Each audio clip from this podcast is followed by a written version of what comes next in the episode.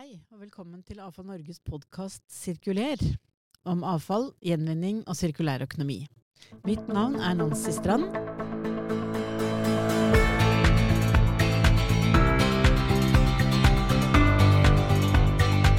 I dag skal vi snakke med administrerende direktør i Avfall Norge, Cecilie Lind, sammen med næringspolitisk direktør Kåre Fostervoll. Altså, Samfunnet opplever jo store kriser og endringer om dagen. Og det treffer jo definitivt avfalls- og gjenvinningsbransjen. Samtidig som vi må levere en grunntjeneste som samfunnet er helt avhengig av hver eneste dag. Det skal vi snakke om i dag. Og vi har med oss administrerende direktør i AFA Norge, Cecilie Lind, og direktør for samfunnskontakt samme sted, Kåre Fostervold. Velkommen til dere. Takk for det. Takk. Altså, vi, vi har jo et litt sånn stort bakteppe. da. Vi har åpnet litt sånn eh, med det store bakteppet, eh, bakteppet i dag. Og eh, kan vi liksom begynne der? Er det hvordan Altså, det er fra energikrise og, og matkrise, og det er krig, og det er altså Energiprisene hopper opp og ned, og hvordan, hvordan opplever bransjen dette her, sånn som du Fra din tilbakemelding av de tilbakemeldingene som du får, Cecilie? Mm, jeg tror det er jo Det rammer jo på forskjellige måter. Det ene er at det forstyrrer den daglige drifta som du har vært innom. ikke sant? Nå sitter vi helt sikkert og har medlemmer som er bekymra for om det er tilgang på drivstoff faktisk de neste månedene. Eller vi må begynne å, å snakke med myndighetene om å sikre, sikre den type ting. Um, um, og så er det jo Um, alle disse krisene bunner jo i en ressurs Altså det er forstyrrelser i forsyningskjedene som viser hvor sårbare måte, ressurstilgangen vår egentlig er, da, og som vi på en måte har glemt litt bort når verdenshandel fungerer og um, alt går som det har gjort i,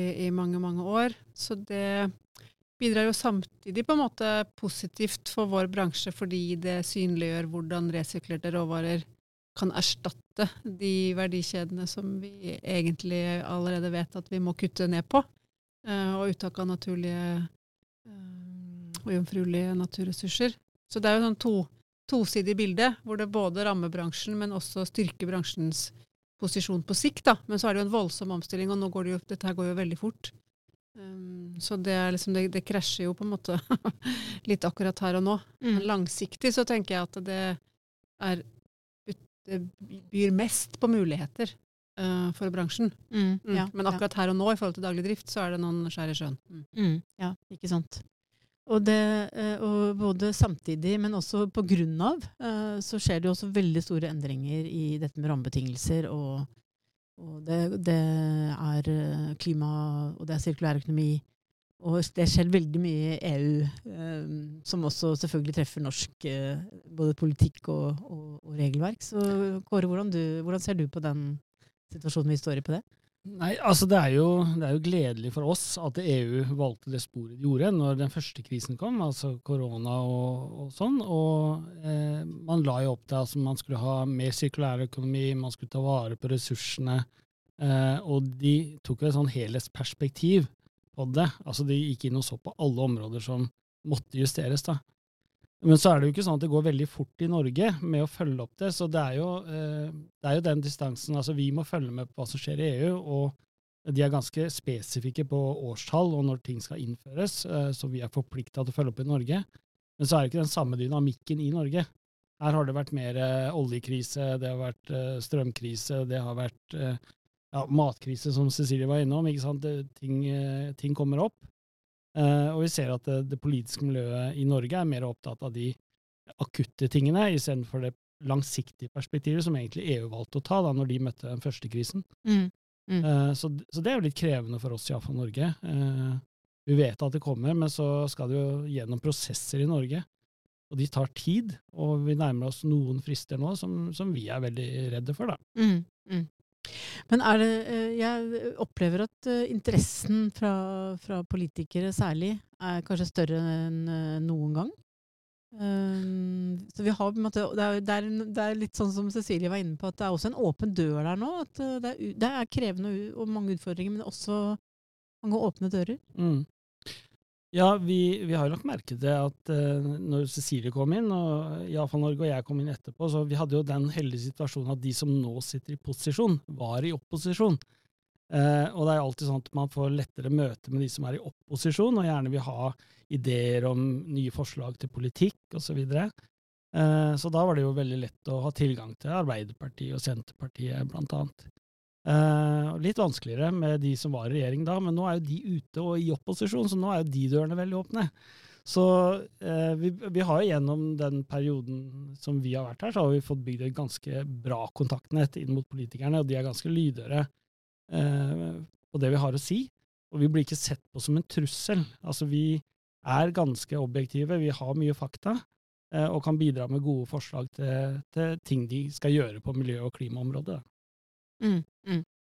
Altså, jeg må jo si at, eh, at uh, vi hadde jo i forrige podkast, eller for et par podkaster siden, så hadde vi Synnøve Bjørke og Egil Olsen, som er um, henholdsvis leder og nestleder i styret for Norge. Og, og, da ble det jo så snakket om at de siste par årene jo Det stemmer jo akkurat med den perioden hvor dere har sittet i de posisjonene. Det er, har skjedd veldig store Altså, jeg opplever at vi har akselerert veldig, da i forhold til å ta inn over oss endringer og sette i gang prosjekter. og øh, Opplever du det på samme måten, Cecilie? Ja, det er jo en slags sånn eksponentiell eh, kurve, da. Men samtidig så må jeg si at jeg har jo vært i den bransjen her i 25 år eller noe sånt, og den, det har jo alltid føles som at nå skjer det mye. så det er jo fascinerende, det der. Eh, men, men vi blir kanskje enda mer drilla på endring, da. Sånn at det vi syns var mye før, det er ingenting nå. Mm, ja. sånn at uh, de opplevde endringene er, uh, er enda større. Så, og jeg tror det som har skjedd kanskje mye i det siste, er jo at liksom um, hodene har um, stilt seg om enda, enda flere, da. Jeg pleier å snakke om at du må, liksom, du må, gjøre, du må gjøre, reisen fra å liksom, vite det i panna til å kjenne det i magen.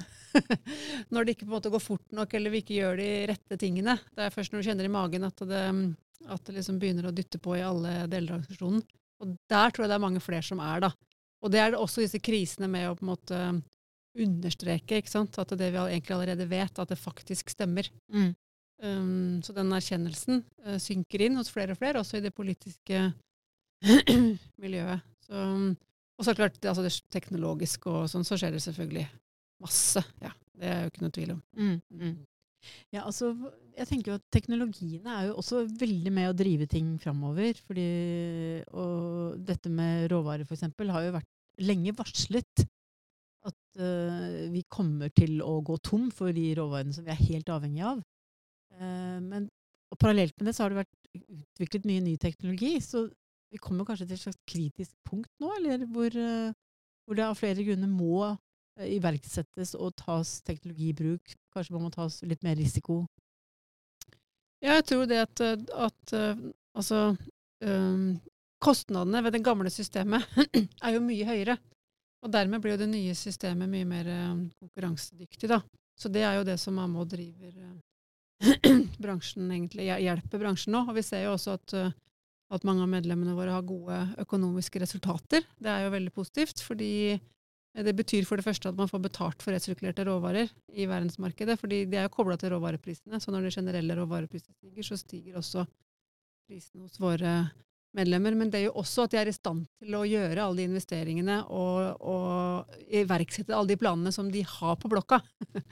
Eh, men som det kanskje har vært vanskelig å se lønnsomhet i. Men nå er det rom. Så det, jeg tror det kommer til å akselere ytterligere uh, framover. da. Uh, fordi at det er masse som har vært jobba med i mange år, men som ikke nødvendigvis er realisert. Fordi vi vet at konkurransen er ganske tøff. Men, men, det tror jeg kan begynne å snu. Og når det er mangel på drivstoffprisene er høye, energiprisene er høye, det er mangel på sjåfører og, og materiell, så er det jo de kort, kortreiste blir rimeligere. og der er det jo vi kommer inn, da. Mm.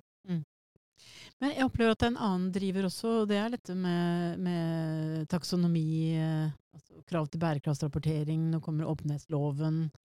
Eh, det er også et litt sånn uh, tosidig for, for uh, avfallsgjenvinningsbransjen eller? At det er både muligheter der og, noen utfordringer. Jeg tror det er vanskelig å kvantifisere på en måte hvilken betydning dette med bærekraft har, men vi ser jo eh, tendenser og vi ser jo trender at eh, de store selskapene er ute etter å ansette folk som har kunnskap og erfaring på det her. Og, det vil nok komme bransjen vår til gode, eh, uten at vi har sett noen sånn direkte tall på det. Men, men dette med taksonomien, bærekraftsrapportering, åpenhetsloven Jeg tror det er en, i hovedsak en fordel for vår bransje. Man må gå inn i seg sjøl og se litt på hvordan man driver forretning i dag, og så hvilke muligheter da, som er. Og da kan vi jo få utløst mer investering fra private investorer også i bransjen. Og vi har jo sett noe til det allerede, og vi håper jo å se mer. Mm. legger jo en, liksom en ny båndplanke, da, kan du si, mye av det regelverket som kommer. Så det har jo alltid vært sånn at de som vil løpe foran, de kan jo egentlig gjøre det helt uavhengig av regelverket, og det gjør de også. Mens, mens alt det nye eh, regelverket som kommer nå, det er jo med å heve gulvet, rett og slett, eh, i bånn. Og det gjør våre medlemmer mer konkurransedyktige. Så det er jeg helt enig med Kåre at det, det åpner også eh, dører. Og så er det klart at vi skal ikke stikke under stol at våre medlemmer også f.eks. har utslipp. eller at vi er en del av komplekse verdikjeder som det kan være krevende å, å ha full kontroll på alle aspekter med HMS og arbeidsmiljø, lønn og sosiale forhold. Um, så det, det, er krevende uh, øvelser, så vi skal ikke det, det, er også en jobb for oss Mm. og bransjen Mm. vår. Mm. Mm. Mm. Ja, vi må være med på den samme, den samme prosessen. Skal gjøre den samme reisen vi som alle andre. Ja, Men jeg tror ikke vi er noe dårligere rusta eh, sant? enn alle andre. Mm, men den er den samme jobben som skal gjøres som i andre bransjer. Men det som jeg syns er litt spennende, er jo også hvordan kan, eh, hvordan kan eh, avfalls- og gjenvinningsbransjen være med på å levere data inn til kundenes eh, eller eiernes, kommunenes bærekraftsrapporter? Altså nettopp Der tenker jeg at det er et mulighetsrom litt, har vi klart å, vi, Står vi klare til å utnytte det rommet? Vi har i hvert fall enorme mengder data. Mer enn vi klarer å prosessere, både vi og, og myndighetene, egentlig. Da. Så det er jo et sånn øh, Ja, det har skjedd ganske mye på digitalisering og data, men samtidig så har det skjedd øh, mye mindre enn det det kanskje burde. øh, og, som, og som åpenbart som kan tas til bruk. For egentlig så vet jo vi utrolig mye om samfunnet som helhet ved de dataene vi får inn ved å Mm. overvåke avfallsstrømmene. Ja. Um, og jeg pleier å si at det mangler ikke et eneste tall i den bransjen, her, det mangler bare at det tallet er på riktig sted til riktig tid. Så, men åpenbart uh, kjempemuligheter uh, innenfor digitalisering. Altså ikke bare i forhold til altså, vår egen drift, men det å gi data som, som er med og styrker de store løpene som vi som samfunn skal gjennom. Da. Mm. Men Vi fikk levert en, en analyse nå av bærekraftsbyrået Footprint, eh, hvor de hadde blant annet gått gjennom stortingsprogrammene. Eh, og det bare, synes jeg, jeg festet meg ved det tallet, for de hadde kommet fram til 169. Eh, og hvilket tall var det, Kåre? Det var vel antallet ganger ordet avfall ble nevnt i, Ja. i stortingsprogrammene, ja. Ja, ikke sant? Ja, ja. Det sier jo noe om eh, bransjens eh, posisjon nå, da. Ja, det, de gjør det. det. Det som var også gledelig, da, det var jo at nesten alle partiprogrammene hadde et kapittel om sirkulærøkonomi. Eh, noe som var totalt mangelvare eh, fire år tidligere. Og, det, eh, og godt skrevet, veldig mange av de. Ikke bare sånn politikerord, men at man har faktisk skrevet noe om de ulike avfallstypene. og det er selvfølgelig noen som går igjen, som er veldig populære som politisk, som vi kanskje ikke anser som det største utfordringen i bransjen. Eh, Men, men det er et veldig godt utgangspunkt for å ha en dialog. Eh, Når det står skrevet, så er det en forpliktelse som hele partiet har gått inn i. De har vedtatt disse programmene på landsmøtene sine. Og så fin, fant vi jo det igjen da i Hurdalsplattformen. Eh, kanskje enda større kapittel der enn i enkelte partiprogrammer. Så jeg tror det har skjedd noe med den, i hvert fall det dialogarbeidet vi og andre har hatt inn mot det politiske miljøet, at det, det er mulig, men det må tilrettelegges for. Eh, og den veien går vi jo fortsatt. Vi venter jo fortsatt på den eh, nye handlingsplanen for sirkulærøkonomi. Vi har ikke fått noe varsel om når den eventuelt kommer. Og vi er en ganske utålmodig bransje, for eh, la oss skryte av det. altså Gjennom pandemien så takla vår bransje dette utrolig godt, syns jeg. Så vi, vi kan håndtere kriser. Og, og jeg tror også bransjen kan ta utfordringen når det gjelder den omstillingen. En ganske stor omstilling til en sirkulær økonomi. Mm. Eh, er det, er det noen spesielle ting som du er ekstra fornøyd med kom eh, inn i, i flere stortingsprogrammer, Cecilie? Uh, ja, det er jo som Kåre sier, det, at generelt så er det et, et, et språk og et, et reelt innhold uh, innenfor det sirkulær økonomi-begrepet som fort blir litt fluffy for, for veldig mange. Uh, men jeg tror kanskje det jeg er aller mest glad for, da, og som vi kanskje har snakka litt lite om, sånn, det er at i, i strategien for sirkulær økonomi så sa regjeringen at de skulle doble bruken av resirkulerte råvarer. Nå sa de riktignok ikke fra hvilket nivå, for der mangler det litt data. og innen når. Men det er jo et fantastisk utgangspunkt. Um, for det er et konkret mål. Um, uh, og det er akkurat det det handler om. Um, så det er kanskje det jeg er aller mest uh, fornøyd med av liksom, politisk gjennomslag i det året som har gått siden forrige, forrige periode. Mm. Mm, mm. Men har, eh, har, også samarbeidet måtte, i verdikjeden endret seg? At, uh, liksom, samarbeidet med, For at sirkulærøkonomi skal funke, så må det jo være produsenter, handel, uh, andre aktører som, uh, som, vi må både samarbeide med og utveksle erfaringer med osv. Det ser vi hos medlemmene våre, at det er mange, veldig mange av medlemmene våre som samarbeider lengre ute i verdikjeden. I begge retninger, kanskje, enn det de enn det de gjorde før. Men så gjelder ikke det nødvendigvis på alle områder. da. Så jeg vil jo si at på noen områder så er det en tendens til at avfallgjenvinningsbransjen fremdeles på en måte blir glemt eh, i de sirkulære verdikjedene. Så er det liksom det man kommer på til slutt. Man har mest fokus på første delen av verdikjeden, og så glemmer man at det blir ikke den der sirkelen går ikke rundt hvis ikke alle leddene er med. da. Og der har vi en, innimellom en tendens enda til å dette ut, men sjeldnere og sjeldnere. Så det er bra. Mm, mm, ja. Mm. Men det, det, er jo også veldig mange startups, og kommer mange nye, interessante aktører. Eh, jeg er liksom nysgjerrig nå på om de eh, altså Hvilken posisjon kommer de til å få etter hvert? Eh, lager de total liksom, omveltninger i måten vi gjør dette på, eller vil de bli absorbert, eller, eller vil de Ja, hva, hva tror dere? Får vi ikke en sånn sterk pekepinn nå i sommeren når vi får inn alle disse Redu-studentene ja, våre? ja, sant. Det er jo, Søkerantallet i år var jo også kjempehøyt. Eh, og det er jo det er så gledelig å se at så mange unge mennesker ønsker seg inn i denne bransjen. Ikke fordi at de liker å jobbe med avfall og avfallslogistikk, men fordi at de tror at dette er veien å gå for å bidra til et bedre samfunn. Eh, jeg syns det er helt fantastisk, og jeg gleder meg veldig mye til neste uke når de kommer inn dørene her. Mm, ja. ja, jeg skulle til å spørre hva blir det morsomste nå fremover, og da ja, fikk jeg jo allerede svaret. Ja. ja, vi har jo fått uh, luksusproblemet, at vi har flere studenter som vil ha sommerjobb i bransjen enn en bransjen foreløpig har klart å tilby. da. Det må jeg ta en liten shout-out ja. mm, -hmm. til uh, Hvis det er noen der ute som fremdeles ikke har helt bestemt seg om de har plass til noen i sommer eller ikke, så er det rom. Ja. Og neste år må dere i hvert fall eh, steppe opp. Fordi at eh, det er masse unge, dyktige folk der ute. Både studenter, men også gründerselskaper mm. som har begynt å interessere seg for bransjen. Og noen av de blir sikkert uh, absorbert, og noen mister mot og prøver seg på noe annet. Men, men, det at den interessen er så stor, da, det er jo et veldig, veldig godt uh, tegn. Mm, ja. Jeg, jeg, tror det, For meg, så, i hvert fall de studentene som var her i fjor, altså de er jo de er modige. De tenker litt annerledes. og og, og, de har med seg også en historie, måter å gjøre ting på. Altså istedenfor for eksempel da, når man skal eh, vurdere trafikken inn på en gjenvinningsstasjon, istedenfor å stå der og telle, så, så jo, har jeg hørt historier om ungdom som har kommet og sagt vi setter opp et viltkamera, eh, og den kan vi streame live. Vi bør ikke stå noen der og telle. Så Bare sånne små ting, men eh, det, er, det, er, kanskje de som vil se eh, det vi ikke ser, da. De mulighetene som er der. Eh, og vil dra det litt framover. Så jeg føler Cecilie, jeg oppfordrer alle våre medlemmer til å vurdere Redus-studenter. Mm. Bare for å få den der lille sparket på leggen og måtte forholde seg til noen ungdommer og andre tanker. Mm. Ja, ja, ikke sant. Og det, det, altså, det, dette med at de Jeg tenker også litt dette, denne utfordringen, at vi også skal jobbe med det med at det skal bli mindre avfall, den, jeg, den har, liksom, alltid, har alltid vært litt tricky.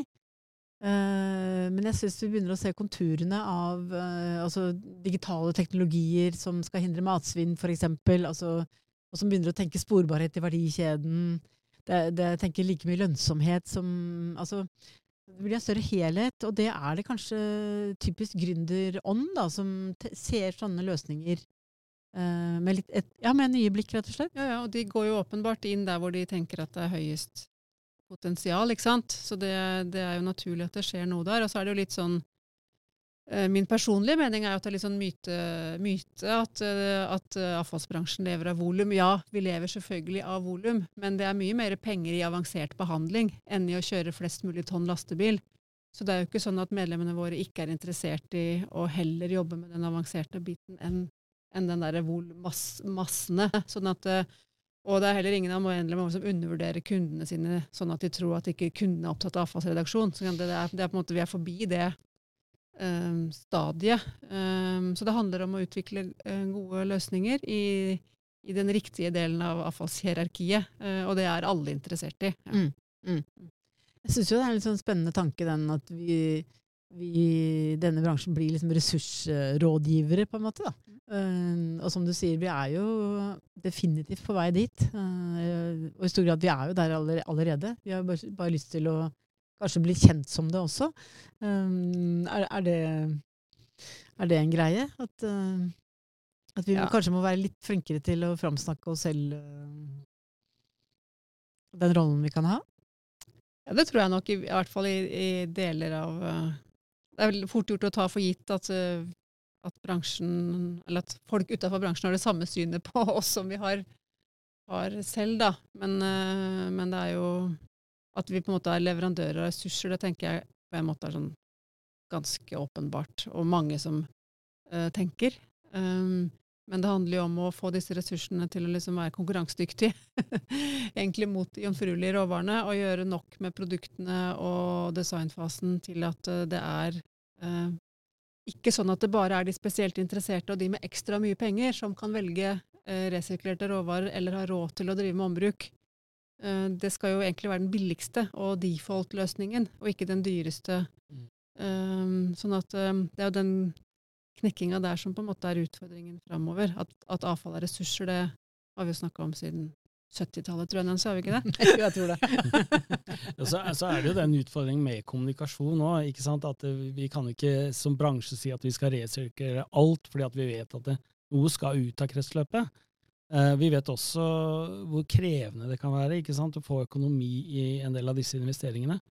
Eh, så jeg tror bransjen kan være litt, sånn, litt forsiktig da, med å si at dette skal vi løse, fordi det skal bare en NRK-reportasje til som viser at eh, ting går til forbrenning, f.eks., for eksempel, når man har snakka om eh, en ressurs da, som vi burde bruke om igjen. Eh, så jeg tror kanskje at bransjen er litt, litt bakpå kommunikasjonsmessig. de har sikkert mange gode historier å fortelle. Men det er jo, i dette samfunnet her så er det jo ett kamera og én person er jo en reporter. Eh, så av kanskje litt erfaring da, så går man litt forsiktig fram. Mm, ja, kanskje, litt, man eh, løper i hvert fall kanskje ikke med de gode budskapene, men man går litt forsiktig. Ja, litt, um, litt, litt, ydmykhet også, i forhold til at det er jo Ja, vi berører absolutt hele samfunnet. Um, og det, det, påvirker oss selvfølgelig. Så er det um, Det som jeg syns er noe annet uh, spennende her nå, da, det er jo liksom at uh, innovasjonen skjer jo i Det skjer liksom i alle ledd. Uh, altså det skjer masse innovasjon innenfor avfallsforbrenning, f.eks. Uh, på, knyttet til deponidrift og måten vi bruker masser på. Altså, det, er, det, er liksom innovasjon over, over hele fjøla. Så det er en sånn entusiasme også, eller opplever dere det sånn? Det er vel en stahet, tenker ja. jeg. Eh, fordi vi, vi, har jo akkurat fått en rapport fra Deloitte som viser eh, hvordan virkemiddelapparatet bruker pengene. Eh, og vi så jo at det er svært lite, en, ja det var nesten ikke merkbart engang, gikk jo til vår bransje. 171 eh, millioner av hvor mange milliarder, Cecilie? Det var, jeg husker ikke, men det var jo i hvert fall godt under var langt bak desimalen. Ja. Mm. ja. Så, eh, så det, er jo ikke, det er ikke, statlige penger eller støtteordninger som har utløst denne innovasjonen. Da. Det er jo noe man har tatt på egen kappe. Og det er jo ganske imponerende. Mm. Sett uh, det hylekoret som ellers kan være i andre bransjer da, på at nå må staten komme inn, så har vi gått ganske stille i dørene, og så har vi allikevel vært innovative og investert mye.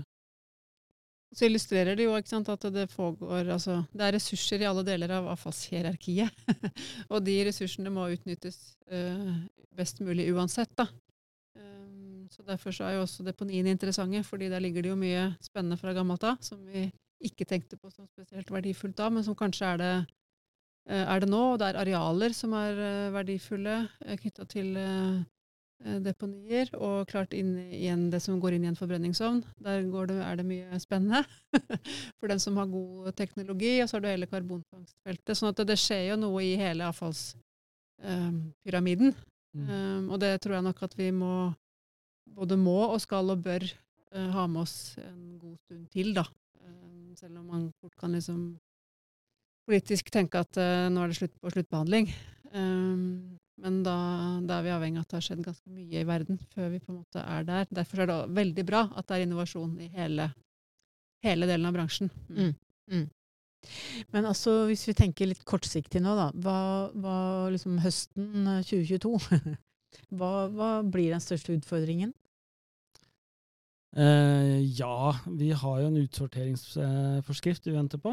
Eh, det er jo noe som vi egentlig har jobba med veldig lenge. Ehm, men ellers så er det jo veldig gledelig å se det som skjer på biogass. Eh, nå er det akkurat levert et flertallsforslag fra energi- og miljøkomiteen til Stortinget som går å følge opp mange av de eh, tidligere innspillene vi har kommet med på biogass, som skal gjøre, gjøre det både eh, rimeligere å produsere, enklere å omsette og lettere å bruke. Og det, det blir moro å se hvordan eh, regjeringen følger opp det. Fordi er det liksom sånn helhetlig noe vi har lykkes med, så er det å få fokus på biogass som et godt alternativ, nullstrupsalternativ, på transporten. Og hvis vi klarer å produsere mengder, og vi klarer å inngå industrielle samarbeid, så er jo dette også en løsning for industrien. Eh, for energi kommer til å være et underskudd i Norge i lang, lang tid, både i Norge og Europa. Mm. Så kan vi se litt hva, hva som tikka av politikerne, hva som fikk de til å, å ta eierskap til den saken. Så, så, kan vi finne andre saker som eh, Vi kan skape den sam, samhørigheten. Da. Altså, når det gjelder man driver med næringspolitikk, så må man finne de tingene som politikerne tenner på. Da tar de eierskapet til det, og da driver det seg selv framover. Uh, og det syns jeg vi har klart på biogass. Mm, ja. Mm. Jeg tror også at eh, mange av medlemmene våre er opptatt av produsentansvar. Eller jeg tror ikke det, det vet jeg. Men eh, nå har Miljødirektoratet holdt på en god stund med en, eh, med en, utredning, og de har jo sendt ut også forslag til endringer på, på emballasjekapitlene på høring. Så det, det, tror jeg også blir en av diskusjonstemaene. Sikkert ikke bare ett år fram i tid, men ja, mye lenger enn det. Men eh, jeg tror um, kanskje særlig til våren at uh, prosentansvar kommer til å stå høyt på lista over saker som blir debattert både på konferanser og ved kaffemaskiner og andre steder. Mm, mm, mm. mm. Men eh, vi nærmer oss, vi nærmer oss avslutning, men, men Cecilie, hva er det, liksom det som er aller morsomst når du står opp om morgenen? og du tenker, begynner å tenke jobb. Hva, liksom, hva er det som virkelig trigger deg? Nei, det har jeg, dette har jeg sagt før, men jeg er så heldig at jeg lar meg trigge av fryktelig mye som skjer i den bransjen her. da. Så det er veldig lett for meg å gå på jobb og bli liksom trigga og få energi. Eh, men det er kanskje også den derre varia enorme variasjonen i hva du kan jobbe med i den bransjen her. Og når vi sitter i en bransjeorganisasjon, så får vi også lov til å jobbe ganske bredt. Uh, og det er nok det som jeg syns er aller mest uh, spennende med å jobbe både i AFA Norge og i denne jobben som jeg har hatt. da, At jeg kan liksom hver dag nesten uh, dykke ned i et eller annet tema som er kjempeviktig. Altså er, det har en direkte sammenheng de, med de store samfunnsspørsmålene, og så samtidig så inneholder det masse detaljer. Så du kan liksom bevege deg liksom litt opp og ned. og og vertikalt. Eh, og det er jo en gavepakke av en mm. eh, jobb, rett og slett. Ja, mm. ja ikke sant. Både vertikalt og horisontalt. ja. Stort og smått. Og, ja. Ikke sant. Mm. Ja.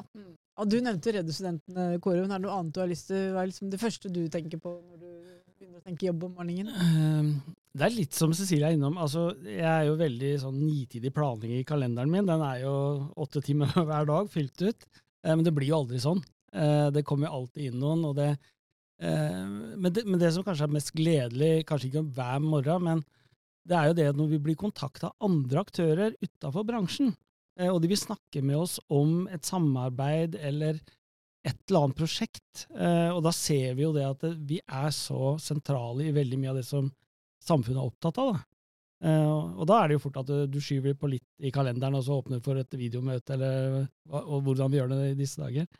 Men, men det, er den, det, er den, bredden i hva vi driver med. Også nå har jo samfunnet åpna opp litt igjen, så nå kan man jo begynne å møte medlemmene òg, og det er jo litt moro. Reise ut og ikke bare sitte bak en skjerm. Ja, faktisk se dette i praksis. Du, eh, tusen takk, eh, Cecilie og Kåre. Takk for en veldig fin samtale. Takk, takk for i dag. da må vi også bare takke alle som har hørt på i dag, og takk til vår produsent Håkon Bratland. Høres igjen. Ha det bra.